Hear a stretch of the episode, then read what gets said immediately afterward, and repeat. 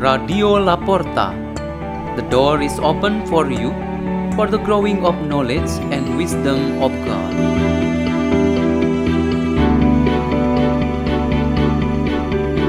by Erik Stedy from the Church of Santo Yohanes Bosco, Jakarta, Indonesia.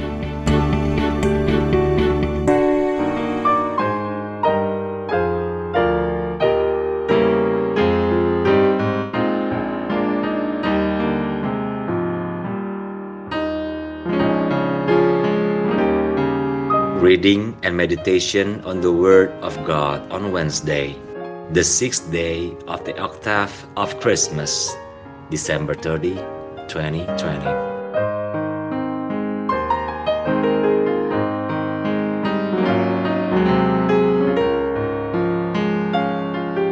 The reading is taken from the Holy Gospel according to Luke.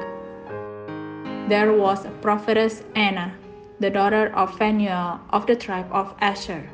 She was advanced in years, having lived seven years with her husband after her marriage, and then as a widow until she was 84. She never left the temple, but worshipped night and day with fasting and prayer. And coming forward at that very time, she gave thanks to God and spoke about the child to all who were awaiting the redemption of Jerusalem. When they had fulfilled all the prescriptions of the law of the Lord, they returned to Galilee, to their own town of Nazareth. The child grew and became strong, filled with wisdom, and the favor of God was upon him. The Gospel of the Lord.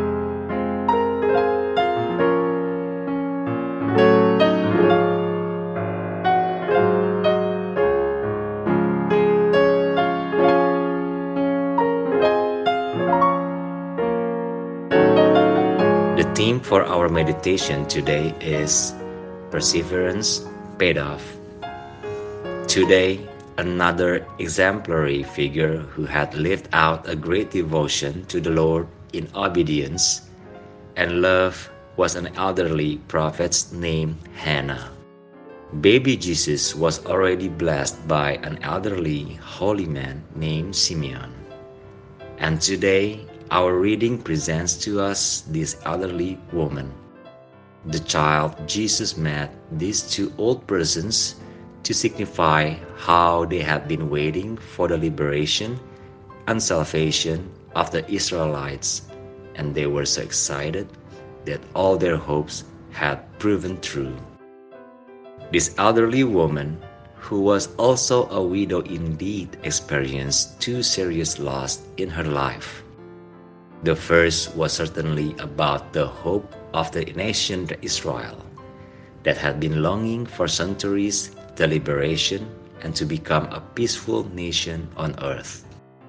The freedom of Israel was already captured by foreign countries and people simply became slaves in their own land. The second loss was the fact that she had no husband to give her comfort and support for her life. Being a widow was tremendously difficult in the Jewish tradition and culture. She opted to fill these types of emptiness with whatever services possible in the temple to the rest of her life.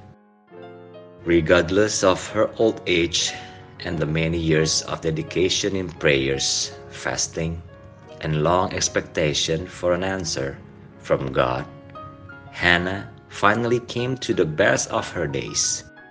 She really did not expect if that encounter with the child Jesus would be the right answer to the emptiness she had been experiencing so far.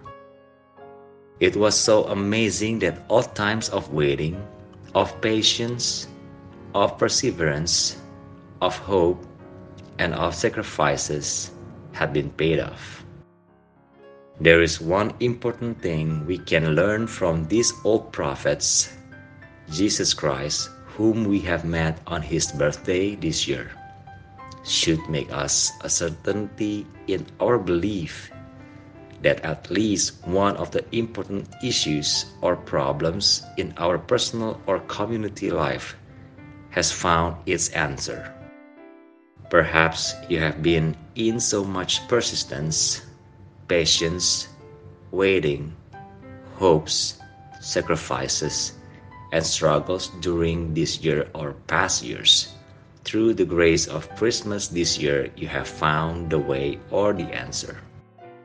If this is the fact, you have all freedom to share with the Lord Jesus or with someone you trust. Why do you have to share your joy or achievement? Because the prophets Hannah and the old man Simeon had given us a good example. As soon as they expressed their joy and achievement, then they proudly revealed that all their sacrifices had been paid off. Their hearts were full with satisfaction, and they perceived that life in this world really has its meaning. They admitted of their being old and that no more business of the world did interest them. What they preferred next was to die and to go to heaven. When we share with God a joyful experience during this Christmas, we give Him thanks. While when we share with others about our encounter with the Lord, we preach our joy. Let's pray in the name of the Father, and of the Son, and of the Holy Spirit. Amen.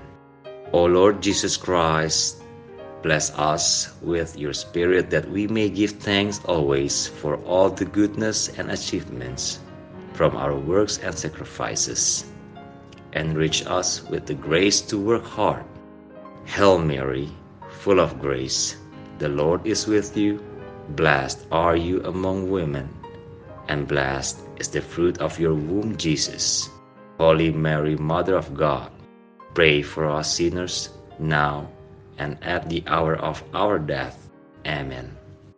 In the name of the Father, and of the Son, and of the Holy Spirit. Amen. Radio La Porta. The door is open for you.